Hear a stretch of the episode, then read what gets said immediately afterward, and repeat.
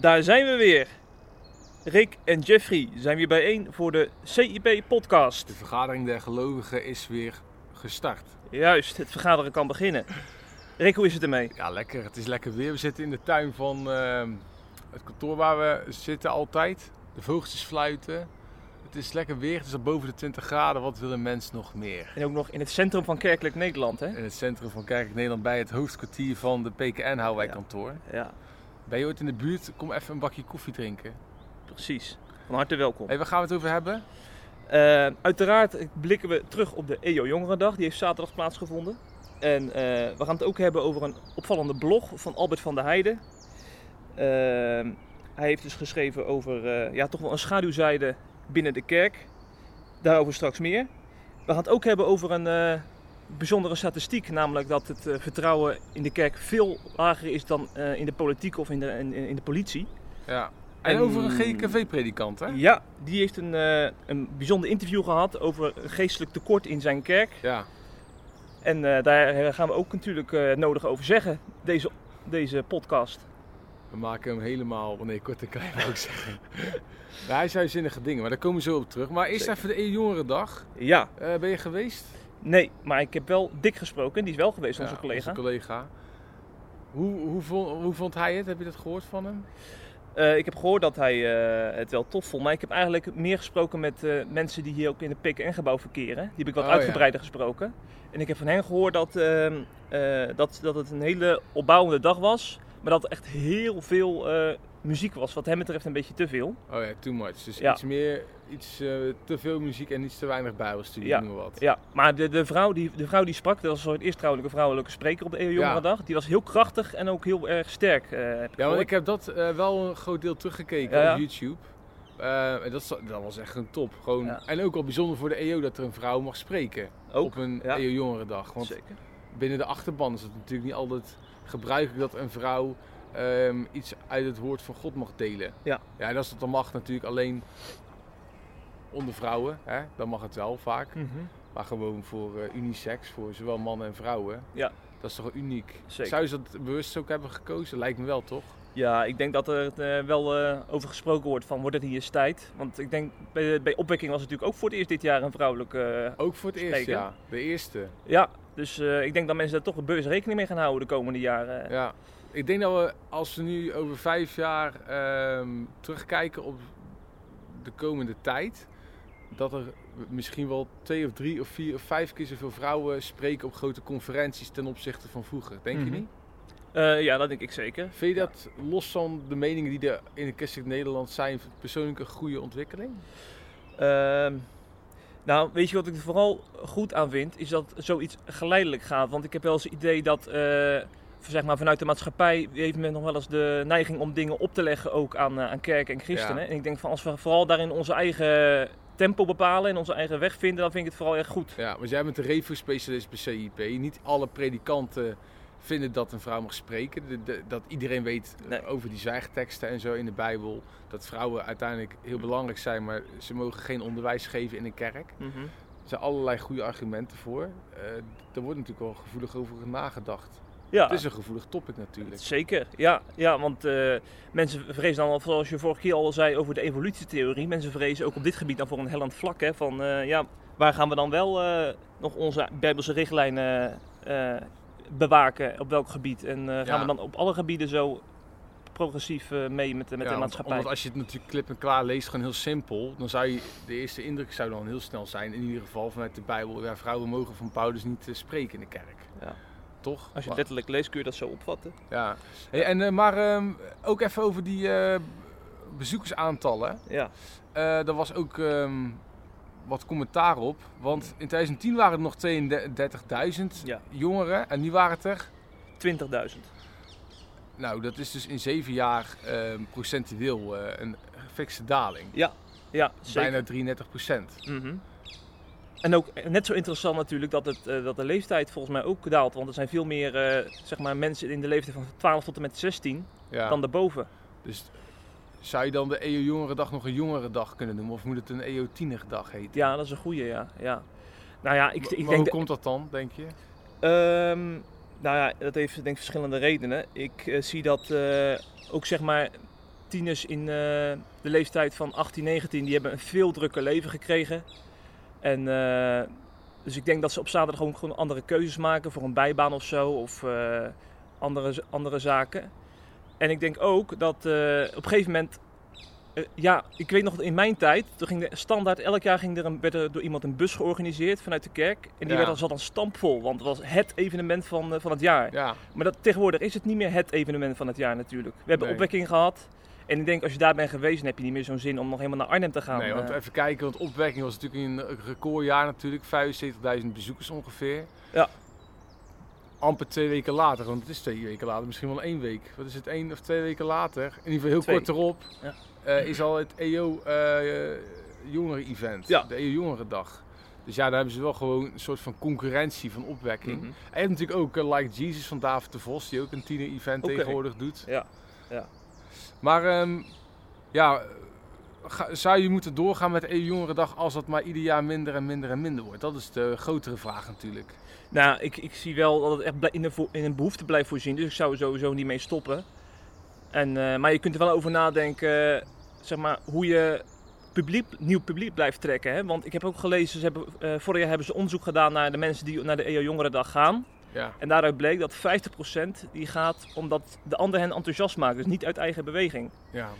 Dus eh, ik denk dat dat nog wel een risicootje is als je zeg maar op die 50% eh, vertrouwt. Want je moet juist mensen natuurlijk zo enthousiast maken dat ze uit eigen initiatief eh, naar zo'n jongerendag gaan. En niet zich laten meeslepen door eh, ouders of door vrienden. Of... ja nou ik denk juist dat je juist het vanuit de kerk moet doen. Want tieners die gaan niet uit zichzelf even naar een stadion. Nee, nee die dat is hebben geen auto, geen openbaar vervoer. Ja. Dus ik denk dat kerken die moeten hun jongeren mobiliseren om naar events te gaan waarvan de kerk denkt, de leiding ook. Wij, dit is echt een goed event. Want laten we even wel eerlijk zijn, EO Jongerendag is natuurlijk mega professioneel. Het past helemaal bij waar de jongeren en tieners zitten. Het Ja. sluit elkaar boodschap helemaal aan. Er zijn echt leuke bands. Leukere Ja. bands dan in je eigen kerk. Ehm, het is ook fijn om met zoveel mensen bij elkaar te zijn als jongeren. Dat je denkt van wauw, ik ben niet alleen christen. Want heel veel van die kinderen, jongeren, tieners zijn natuurlijk als enige zo'n beetje gelovig vaak op school. Dus ik denk dat het wel goed is dat, het, eh, dat de EU Jongerendag er is. En dat kerken juist weer die bussen moeten weer gaan regelen. Dat zou ik denken. Ja, ja, ja. En, eh, maar dan is het natuurlijk ook, dat is wat misschien ook een beetje altijd kritiek geweest, hè? ook vanuit de orthodoxe hoek. De wat meer rechtse, echte streng evangelische en reformatorische mensen op die EU Jongerendag. Want dat bestond dan uit kritiek op. ja, maar dat is inderdaad vooral het sfeertje eromheen. Hè, dat het nogal, eh, er werden natuurlijk wat zangers uitgenodigd die, eh, die nogal heftige muziek maken. Ja, het Maar te ik denk- is. Ja, ja, maar ik denk dat die Te kritiek... flitsend, te, te te flitsend. stoer. Precies. Maar ik denk dat die kritiek de laatste jaren erg aan het verstommen is. Omdat eh, ja, je ziet ook zeg maar, in de, zeg maar, de rechterflank van de reformatorische gezinten... zie je ook, een- zeg, maar, ook een soort van trend van... ja, die muziek hoort er ook bij. Een jongeren luistert allemaal eh, op een mp3 of op... wat is het tegenwoordig? Ja. Ja, je kan natuurlijk niet verwachten dat we bij de EU Jongerendag psalmen op hele noten gaan zingen. Nee, nee. En ik denk dat het wel meer geaccepteerd wordt daarom ook om die reden. Mensen gaan dat ook wel snappen. Ja, en Ja. ik denk ook dat EO iets heel goed doet. En dat is dat ze proberen de mooiste boodschap van de wereld op de mooiste manier te brengen die ze kunnen. Ja, Als je dan een stadion hebt met licht en geluid en weet ik veel wat je allemaal kunt doen met video en beeld en met dans en toneel en noem het allemaal maar op. Ja, dat is het alleen maar te prijzen dat er zo'n enorme energie wordt gestoken in het verkondigen van de boodschap Ja. op zo'n krachtige manier. Ja, ja. Nou, Klopt. mooi hoor. Hey, en ehm, oh ja, ik had ook gelezen nog tot slot dat Paul de Vos, dat is een beetje eh, de, de, de chief daar van eh, Beam, Ja. de jongerenafdeling. Ehm, die zegt ook van, hey, we gaan eh, echt niet eh, ermee stoppen. En naar aanleiding van die bezoekcijfers. Uit onderzoeken blijkt ook dat een flink deel van de aanwezigen al voor de vierde keer is geweest. De jongerendag heeft echt een functie. Ja. Nou, dat is duidelijk toch? zeker. Hey, van de EO gaan we naar de GKV. De GKV, dominee Maarten van Loon, die heeft een interview gehad in Onderweg. Dat is een blad die zeg maar in de kringen van de geïnformeerd vrijgemaakte veel wordt gelezen. En eh, ja, hij heeft eigenlijk de, zijn hele kerk een soort van spiegel voorgehouden. Want van, eh, zijn we niet te veel te veel gericht op het woord. Hè? Want Zoals je weet, de gereformeerde cultuur is heel erg gericht op preken en op eh Bijbel. catechisatie, de Bijbel. Catechisatie inderdaad. De catechismus, Calvijn, noem het allemaal op. Ja. En hij wijst dus nu op de schaduwzijde. Hij heeft ook bij zichzelf gemerkt dat hij bijvoorbeeld heel erg eenzijdig is gaan preken. En dat dat ja, ook tot, tot gevolg heeft dat je daardoor heel veel mist. Ja. En ehm, wat wel interessant is, dat hij dus onder andere wees op gemeenteleden die de laatste jaren steeds meer naar interkerkelijke conferenties gaan. Zoals Ja. bijvoorbeeld New Wine. Nieuw wijn, opwekking. En daar, en op dat soort conferenties wordt heel veel eh, gesproken over de Heilige Geest. En wordt het, het geloof heel erg persoonlijk gemaakt, ook door middel van eh, ministry cursussen en zo. Dat je leert bidden met anderen. Ja. En dat soort elementen, dat mist hij gewoon heel erg in het normale kerkelijke leven. Ja, en wat ik ook wel interessant vond is dat hij, want daar heb ik me ook wel eens aan geïrriteerd. Kijk, voor, voor de mensen die me niet kennen, ik ben niet kerkelijk opgegroeid. Dus ik ben allemaal wat minder van origine in ieder geval thuis in echte hele traditionele kerken. Maar wat hij ook bijvoorbeeld schrijft is dat als er iets bijzonders te vieren valt, dan gebruiken we eerst ellenlange formulieren. Ja, Dus je weet hoe dat gaat bij een doop of bij een eh, huwelijk. Ja, dat is vaak gewoon zo officieel allemaal. En dat snap ik wel, want het is, ook traditie en het is ook belangrijk om dat soort dingen heel serieus en grondig aan te pakken. Maar ja, je kan ook denken, hey, hebben wij een heel, weet ik veel, gigantisch lang huwelijksformulier nodig of een categorisatieformulier of doopformulier. Als ze ook gewoon kunnen zeggen, joh, we zijn heel geweldig blij dat Jeffrey en Eline gaan trouwen. ja. En we zijn God daar dankbaar voor. Dat je het gewoon meer spontaan doet dan dat hele officiële. Mhm. Wat natuurlijk ook wel moet gebeuren. Ja. Maar dat is natuurlijk een hele traditie, ook van die woordverkondiging. Ja, dat gaat al vaak als ik dan. ehm, ja, ik hou zelf, maar dat is mijn persoonlijkheid ook, minder van, meer van een evangelische preek. Eh, ook al mist dat soms wel wat diepgang, eh, vind ik. Want daar zijn ze dan wel heel goed in bij de reformatorische. Maar dat, ja, dat is natuurlijk alleen maar goed voor sola scriptura, de schrift alleen. Alleen vaak vergeet je dan, als je over de Bijbel praat, als je dan vergeet om te vertellen wat die Bijbel met jouw dagelijkse leven te maken heeft. Dat zei hij dus ook. Ja, of als je vertelt, eh, niet vertelt wat er soms zo moeilijk is aan die Bijbel. Als je dat probeert te praktiseren, wat er staat. je vijanden lief hebben. En dat een spreker ook niet uit zijn eigen leven dingen vertelt. Want dat zijn drie dingen die je eigenlijk dan heel vaak niet ziet. Dus praktijk, eigen leven, eh, de lastige vragen rondom zo'n Bijbeltekst. Ja. ja, dan mis je toch, vind ik, iets in de boodschap. Want het is heel goed om het te vertellen, te, eigenlijk de Bijbel na te praten. Want dat Mhm. is wat zij vooral doen. En dat zou de evangelische, die zou daarvan kunnen leren. Maar ik vind het wel, denk ik, persoonlijk belangrijk. eh, denk ook voor mensen die gewoon kritisch eh, soms in de kerk zitten. Dat je dat ook heel dicht bij de mensen probeert te houden. Door als dominee bijvoorbeeld ook eigen, over je eigen leven te vertellen. Wat die tekst nou met jou doet. Wat je daar nou moeilijk aan vindt. Hoe je die probeert te praktiseren. eh, wat je soms niet snapt aan die bijbeltekst. Mhm. En die elementen die heb je vaak helemaal niet in een reformatorische of GKV-preek. Nee, nee. Of heel nee. weinig. Want daar is het eigenlijk ook not done om over je persoonlijke sores te praten in een preek. Want je moet vooral de Bijbel napraten. Sterker nog, eh, op theologieopleiding krijgen veel mensen te horen van dat het woord ik echt not done is in de preek. Want dan gaat het te veel, eh dat dreigt te veel over jezelf te gaan. Ja, Het mag helemaal niet genoemd worden, ik. ja wat natuurlijk wel bijzonder is. Want Ja. uiteindelijk alle geschriften van het Nieuwe Testament zijn voor een heel groot, niet alle, maar veel. Paulus zijn allemaal gewoon persoonlijke brieven. Hè? dus ik denk als Paulus persoonlijke brieven gewoon zo mega persoonlijk. Mega persoonlijke brieven stuurde naar de gemeente. Waarom zou je dan niet als dominee een heel persoonlijk verhaal mogen houden Ja. over God? Ja, precies. Ik, want dat resoneert wel, weet je, bij jonge mensen. Als je een predikant ziet die echt uit zijn hart vertelt wat zo'n bijbeltekst eh, doet met hem. Of waar die worstelt en waar hij het soms niet snapt. En wat er zo geweldig is. En wat de uitleg ook erin eh, van is. En hoe je dat moet zien in de context van de cultuur. Maar dat hele pakket pakt. Ja, dat is natuurlijk veel sterker dan wanneer je alleen maar blijft hangen in het ja, eigenlijk herhalen van wat er al staat. Nou ja, ik zou zeggen, alle ge- ge- geïnformeerd vrijgemaakte predikanten, zoek eens de evangelische gemeente in jouw buurt op. Ja. En ga samen een half jaar met elkaar optrekken en leer van elkaar. Ja, ja dat denk ik. Dat, lijkt me echt idee. ideaal. Want dat stelt hij toch ook voor? Eh, nee, dat was meer een voorstel van mij. Oh, dat was. Nee, ik dacht, het stond in de aantekeningen. Ja. Maar eh, nee, ja, dat zou, zou ik ook mooi vinden. Ja. Ik denk dat het echt belangrijk is. Want ik, ook, maar ook evangelische kerken hebben hetzelfde probleem. Je hebt altijd het probleem, wat hij natuurlijk terecht uitlegt. Dat je soort in je eigen bubbeltje zit, je eigen cultuurtje als kerk. En dat je niet je scope verbreedt naar hele andere onderwerpen. Hè. Hebben we het eens een keer over seks of over geld of over materialisme. Ga daar nou eens een keer een preek over houden. Mhm. Maar ook dan vanuit je hart en wees dan ook eerlijk over hoe jij het zelf doet. Ehm, want ja, die scope verbreden, dat is denk ik wel belangrijk. Anders blijf je jarenlang in de kerk en hoor je eigenlijk iedere zondag hetzelfde. Want dat is wel wat er gebeurt. Dat hoor ik ook van mensen in bepaalde kerken. Of het nou evangelische kerken zijn of reformatorische kerken. Dat ze feitelijk het hele jaar lang hetzelfde horen. Mm. En dat is jammer, want ze hebben het nog nooit over vluchtelingen gehad. Dat is Nee. ook een probleem. Ja. Of eh, gewoon een burn-out. Heb je, wanneer is de laatste preek ge- geweest in jouw kerk over dat, er, dat mensen ook een burn-out kunnen hebben? Hm. Of over klimaatverandering. Of over eh, hoeveel make-up je nou wel of niet eh, moet gebruiken.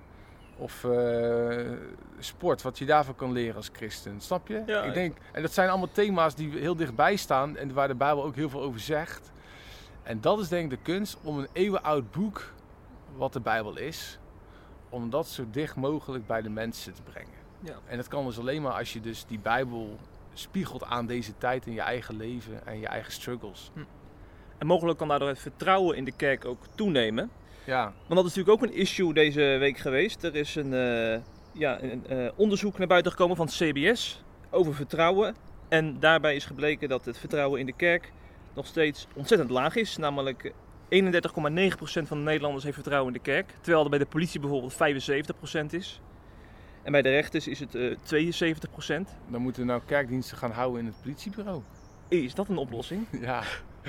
Gewoon in de kantine van het politiebureau houden we kerkdiensten dan. Ja. Of, ja, dus, dat mag weer natuurlijk niet, want dat is scheiding van kerk en staat. Oh hè. ja, krijg je dat weer. Ja. Maar dat is wel apart. Hoe zou het nou toch komen dat, dat men de politie meer vertrouwt dan de kerk?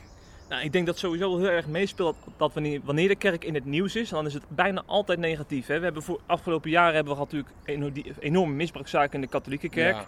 En dan heb je ook nog eens eh, zeg maar wat, wat ja, relatief kleine kwesties die enorm worden uitgelicht. Zoals je, je, kunt je Maasbach nog wel herinneren Ja, waarschijnlijk. tuurlijk. Dat zou een secte zijn in Den Haag. Een secte. En Ja. mensen staan ook op de voorpagina van het AD. Dus mensen hebben gelijk zoiets van, oh, dat zijn die christenen weer. Die, die, die sporen niet. Ja, en, eh, en af en toe komt misschien de SGP ook nog wel eens met een gek plan. En dan wordt dat ook weer heel erg eh, ge- eh, op de kerk betrokken, weet je wel. Dus ik denk Ja. dat de media er heel erg een belangrijke rol in speelt. Ja, dat denk ik ook.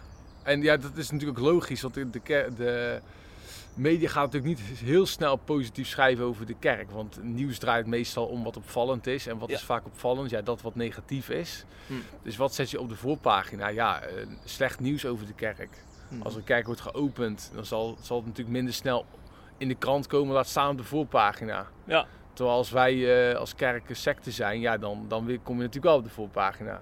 Dus ja, dat is natuurlijk het hele ding van media altijd. Dat dat beïnvloedt zo enorm hoe mensen naar bepaalde onderwerpen kijken. Want uiteindelijk, mensen denken ook bijvoorbeeld, het gaat zo slecht in Nederland met de politiek en die mensen die deugen niet. Maar dat is natuurlijk niet, dat is niet de waarheid. Laat even eerlijk zijn. Het gaat heel goed met Nederland. Tuurlijk. Het gaat heel goed met de economie en met hoe wij met mensen omgaan die werkeloos zijn. Het gaat heel goed met onze infrastructuur. Maar ja, wat komt er in de krant?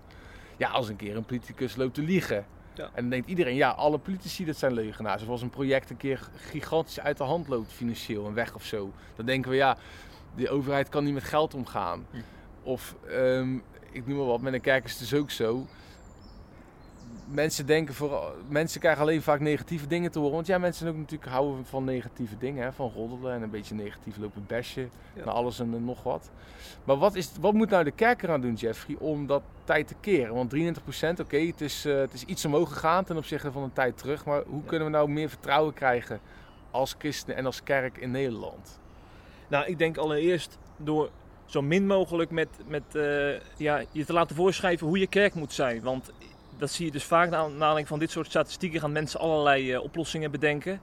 En dan voelen kerkraden zich gedwongen om, zich, om de, daarover te vergaderen en dan eh, met allerlei plannen te komen. Maar ik denk dan juist van, kijk gewoon naar de kerken die, die, die, eh, die, zich daar niks van aantrekken. Die gewoon hun eigen plan trekken en ook nog eens mensen in hun omgeving inspireren, Ja. weet je wel. Zeg maar de goede voorbeelden. Ga daar eens mee in gesprek. Ja, En eh, eh, in, wat ik trouwens ook opvallend vind, ik, ik, ik spreek steeds meer mensen die het woord kerk heel anders invullen. Hè. Mensen krijgen er heel gauw een beeld bij van het is een stenen gebouw waar je dan in een kerkbank gaat zitten. Maar ik heb toch ook het idee dat mensen nu echt zoiets hebben van de kerk, dat zijn wij zelf. ja dat is een groep mensen. Is Dus geen een groep gebouw of mensen. instituut, maar het zijn gewoon mensen die een gemeenschappelijk verhaal en een gemeenschappelijke missie hebben. Ja, en dat zou, het zou echt mooi zijn als ook mensen buiten de kerk dat steeds meer gaan zien. Dat dat de kerk is. Ja, en ik denk ook dat de mensen die de kerk niet vertrouwen, dat dat waarschijnlijk ook mensen zijn die heel weinig christenen echt kennen. Ja. Want ik denk dat als je christenen kent, dan kom je erachter, oh, dat zijn gewoon hele toffe peren. Ja. Want mensen denken wel eens, oh ja, die Rick die is christen en die eh, heeft een christelijke website.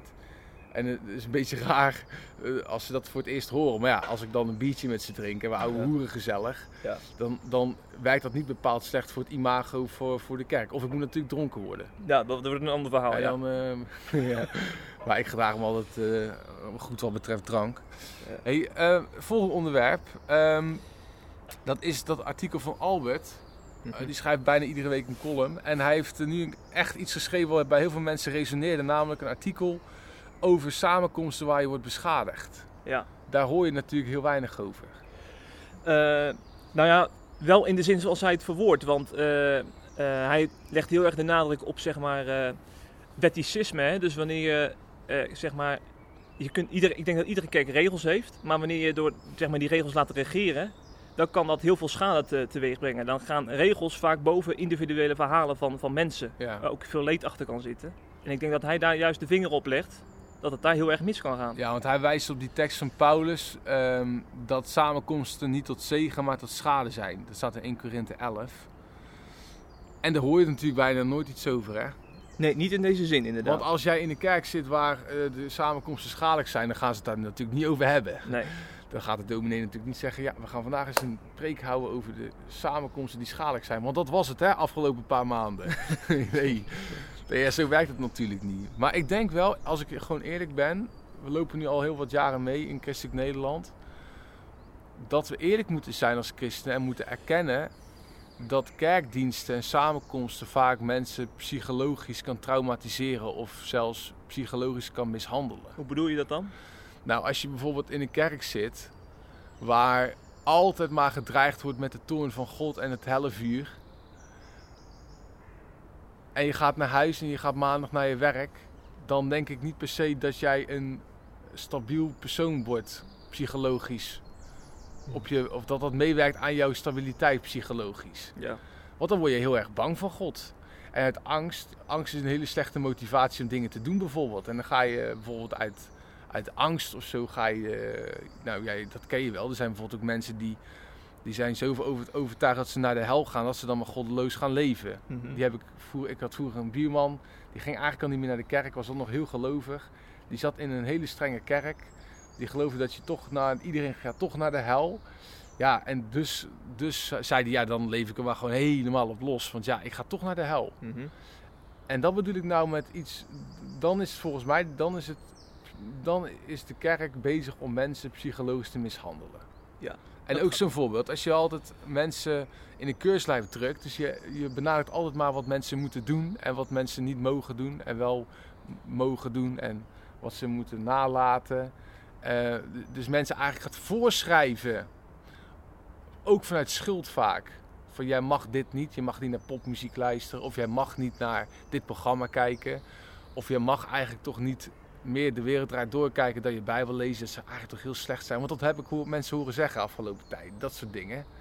En eh, ja, seks voor het huwelijk, dat mag absoluut niet. Nou, is allemaal goed bedoeld. Maar of het nou gezond is, dat is een andere vraag. Hm. En het laatste voorbeeld is... ehm, ja, dat je bijvoorbeeld niet geestelijk genoeg bent. Dus je dat ook altijd maar benadrukt. Van ja, we- falen toch allemaal altijd maar enorm. Hè? We zijn toch maar simpele zielen, wij mensen. En eh, we zijn toch in zonde gevallen. En ja, je mag toch niets goeds van mensen verwachten. Dan gaan mensen ook bijvoorbeeld denken, ik ben niet goed. Mhm. Dus het startpunt waarop ze dan naar zichzelf kijken als ze in de spiegel kijken, is niet van hé, hey, ik ben een mooi mens, ik ben een God geschapen, ik ben geliefd, een kind van God.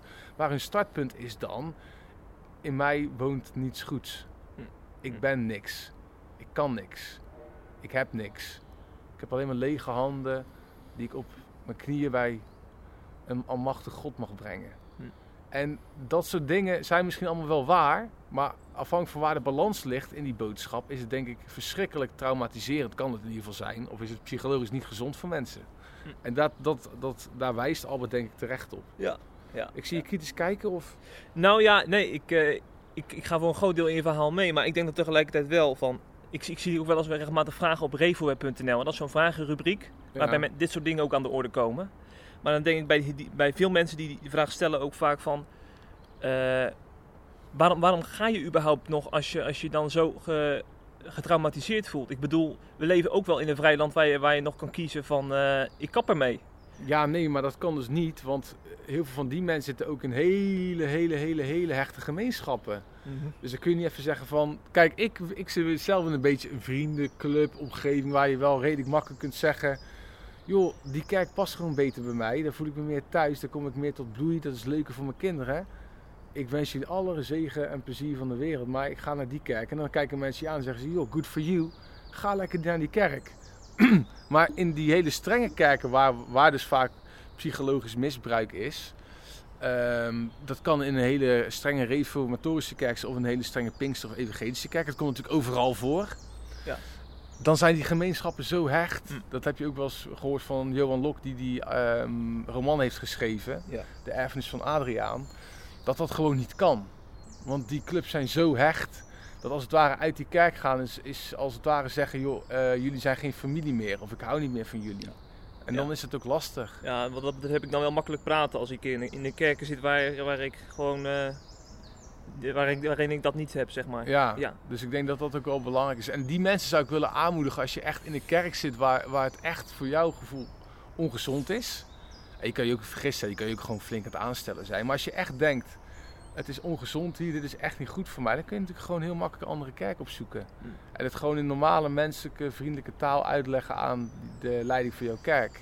Mm. Want ik denk dat iedereen, dat het toch, ja, ik kan niet echt per se keihard voor God spreken, maar ik denk toch wel dat het Gods bedoeling is dat we allemaal in een kerk zitten waar we ons echt happy voelen. Maar zoals, dat is voor mij, daar kan ik wel even mee eindigen, dat is voor mij een heel belangrijke tekst bijvoorbeeld. Is dat het koninkrijk van God niet bestaat uit eh, eten en drinken, maar van gerechtigheid, vrede en vreugde. Dus ik denk hey, van een kerkdienst waar jij, waar jij zit, dan moet je eigenlijk warm worden gemaakt voor gerechtigheid. Hè, dat je een man uit één stuk wil zijn, dat je echt ja, recht wil leven. Recht door zee, zoals Rita Verdonk zei. Ehm, dat je vrede daar hebt en ontvangt. Die, en die, die vrede die kun je dan vervolgens ook uitdelen. En dat als je naar de kerk gaat, dat je vreugde ontvangt. Dat je gewoon een blije mens wordt. En als je altijd maar zondag en zondag met een zuur gezicht de kerk inloopt. En met een zuur gezicht de kerk uitloopt. Zonder die gerechtigheid, zonder die vrede, zonder die vreugde. Ja, dan denk ik dat je beter vandaag dan morgen kunt overwegen op zijn minst om die kerk te verlaten. Mm, precies. Hey, Ik zeg wat- het hard, maar het is wel zo. Nu even wat positiefs, hè? Ja, even wat anders wou ik zeggen. Want eh, wat zou jij doen als jij op een, eh, op, aan een flat hier verderop... dat jij een vierjarige jochie ziet hangen die, eh, die er echt van af te vallen... van, die, eh, van, zijn van dat balkon op de flat. Ja, we hebben het allemaal gezien, dat filmpje dat die man in Frankrijk was het. Dat hij vier etages naar boven kon en dat kind redden. Maar ik, ik vrees het als ik het zie gebeuren dat ik eh, de brandweer bel. En ik kan niet klimmen. Ik ben niet zo atletisch als jij. Nou, nou, ik, ben ik, ik heb één keer een klimoefening bij gym gedaan. Toen zei de leraar, dit is levensgevaarlijk. Maar het is toch ongelooflijk hè, die man. Die man die klimt gewoon even van vier etages hop, hop, hop, hop, hop Ja, omhoog. En redt dat kind. Nou, wel echt, wel kippenvel toen ik het Ja, zag. ja. Als je dat niet?